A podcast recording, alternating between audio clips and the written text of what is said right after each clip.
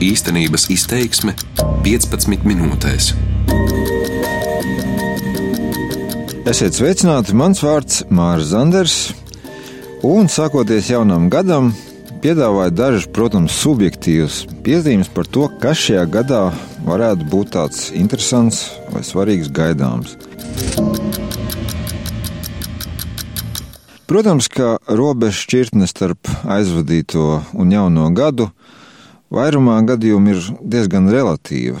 Proti, jaunajā gadā turpinās iepriekšējā aizsākušies procesi. Un viens no tādiem procesiem būs apziņa, kas nav, protams, jauna, bet tā ir svarīga lieta, ka mūs arī mazajā Latvijā ļoti tieši ietekmē ārējais konteksts. Un daži piemēri. Martā gaidāmā Brexit gadījumā pilnīgi saprotam ir daudz mūsu cilvēku attieksme, ka nu, mēs te tāpat neko daudz ietekmēt nevaram. Tas lielā mērā ir Lielbritānijas iekšpolitisks jautājums, lai gan jā, skars tur dzīvojušos Latvijas valsts piedarīgos. Tāpat, starp citu, saprotam, ir arī skepse par tādām ļoti drūmām prognozēm, ko Lielbritānijas izstāšanās no Eiropas Savienības reāli nozīmēs. Un patiešām, manuprāt, sabiedrināt krāsas nevajag.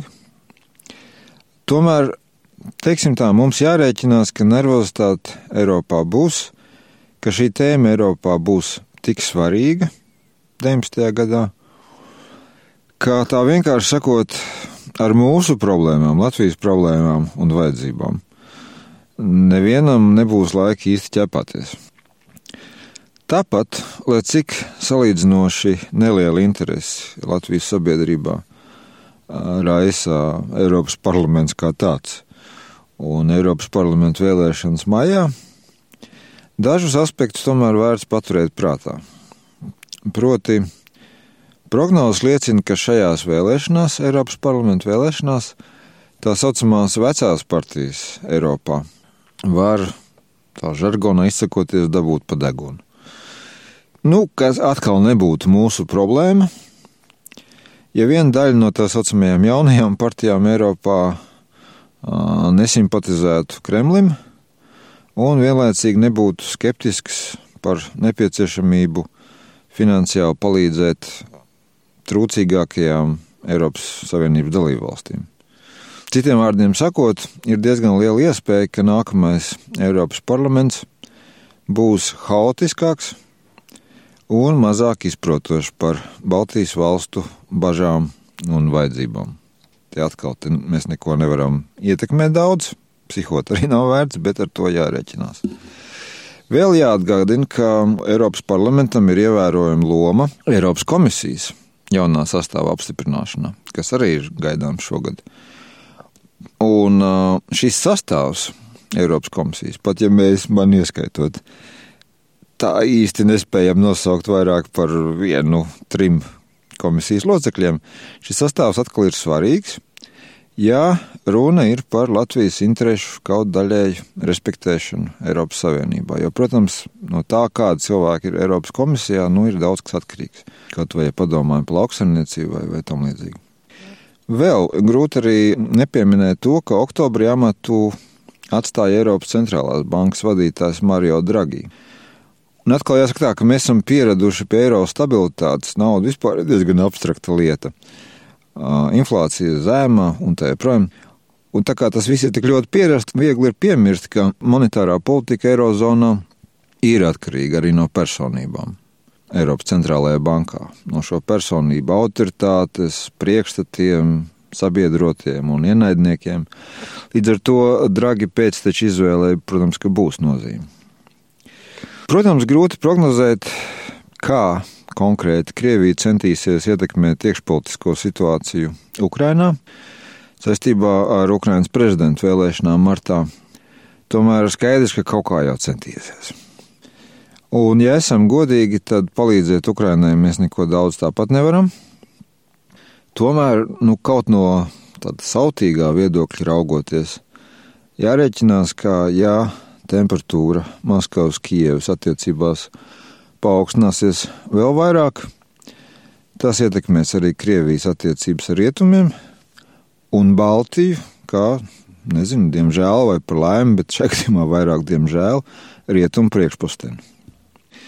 Nu, un visbeidzot neaizmirsīsim par Donaldu Trumpu. Jo neatkarīgi no katra attieksmes pret ASV prezidentu, kā labi zināms, citiem viņš patīk, citas tracina, bet, nu, retais nolieks, ka viņš, teiksim tā, māku pārsteigt.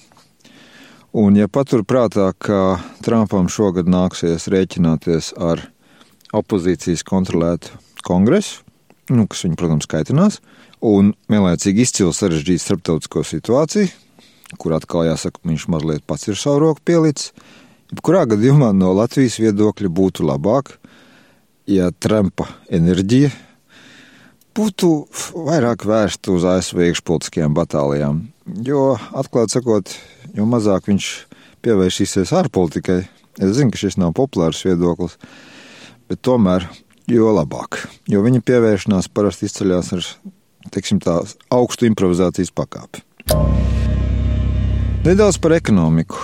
Lai gan mūsu strateģisko rietumu partneru spiedienā, ko mēs pilnā skaistumā redzējām 18. gadā, maksimāli attīrīt Latvijas finanšu sistēmu no šaubīgas izcelsmes naudas. Ir zināma daļa liekulības, sliktākajās svešā acīs kabargu redz, savā baļķi neredz tradīcijās. Vienalga ir jārēķinās, ka šī tendence, patīk mums vai nepatīk, visā krāšņumā turpināsies arī šogad. Jo tam mēs redzējām 18. gadā pierādījums turklāt ne tikai Latvijas banka sektora gadījumā. Es mazliet vulgarizēšu, bet, ja amerikāņi ir gatavi apgrūtināt slavenu, pazīstamu starptautisku palīdzības organizāciju darbu, izvirzot tām ar vien stingrākas prasības naudas plūsmu kontrolē. Ja, nu, tā vienkārši sakot, bieži vien šīs naudas, piemēram, nezinu, Āfrikā vai Azijas valstīs, tiek kaut kā dalītas, un tad vienmēr ir jautājums, kā rokās tās nonāk un tā joprojām.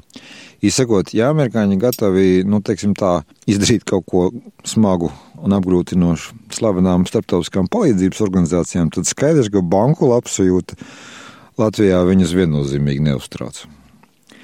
Tas gan jāsaka, nenozīmē, ka mums tagad būtu jāmin vai kādai no mūsu bankām nepienāk bēdīgs gals. Tik tālu nenonāks. Protams, grūti tā ir sadarīt un prognozēt, bet es tā domāju. Pareizāk būtu teikt, ka tāds mērens stresa stāvoklis darīs Latvijas bankas piesardzīgākas, kas varbūt nav nemaz arī slikti. 2018. gadu raksturoja ilgāku laiku nepieredzēti asins tirzniecības konflikts starp Ķīnu un ASV. Un jādomā, tas turpināsies arī šogad.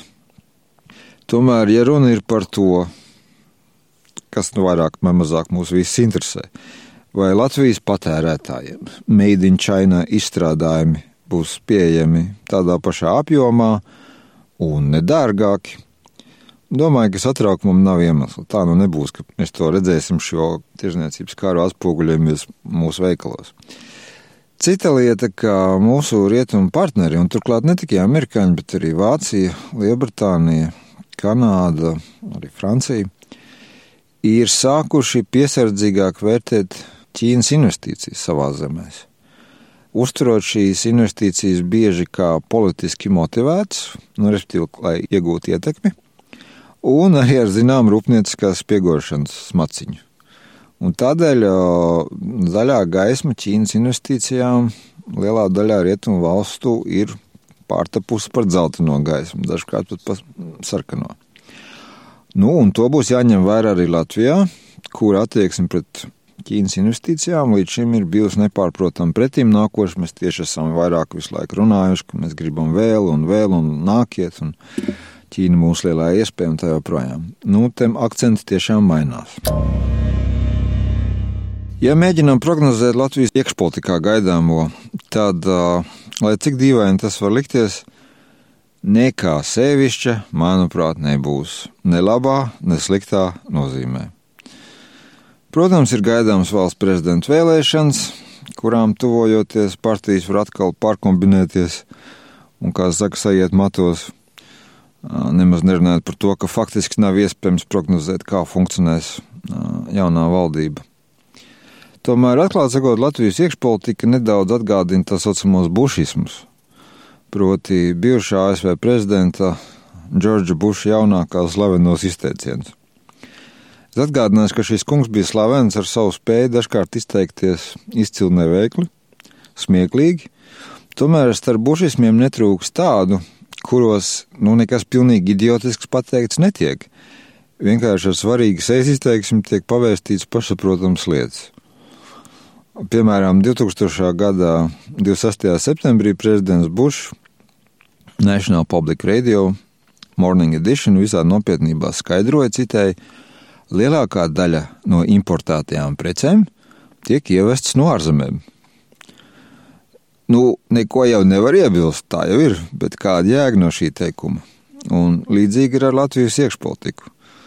Tu klausies, klausies, Un vienā brīdī aptver, ka nekas jau netiek īsti pateikts. Tāpēc šis salīdzinājums.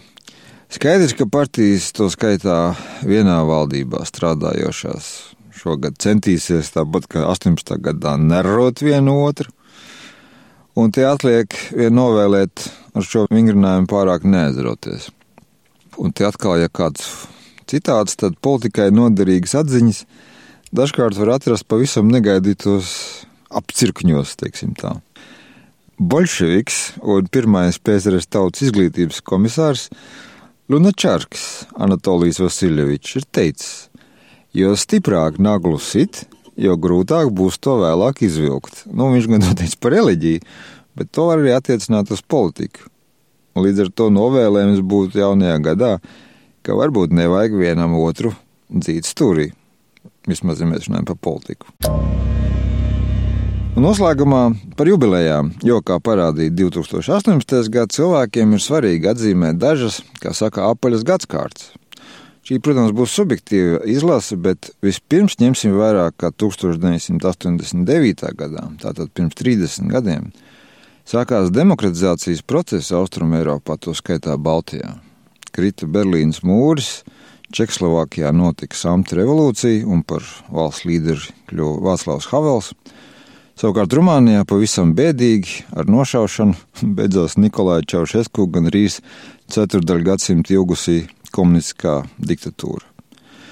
Šogad arī apritējuši 40 gadi kopš PSRS ieveda savu kara spēku Afganistānā, un tas ir ļoti svarīgs notikums. Apritēts arī 40 gadi kopš IBM uzsāka personālo datoru masveidu ražošanu, tika izgatavots pirmais kompaktdisks un pirmā lāzera kopējumā mašīna. Būs pagājuši 50 gadi kopš Ziemeļīrijā aizsākās cilvēku upurus nesošs konflikts starp Lielbritānijai lojāliem iedzīvotājiem un īrijai simpatizējošiem. Arī atklāti sakot, zināmā mērā vēl turpinās. 60 gadu jubileju svinēs Kipras valsts, savukārt 70 gadu jubileju atzīmēs NATO.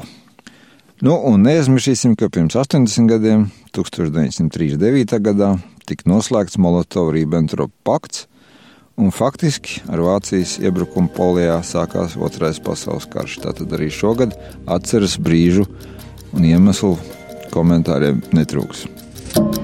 Darbības vārds īstenības izteiksmē izsaka darbību kā realitāti. Tagatnē, pagātnē vai nākotnē, vai arī to noliedz.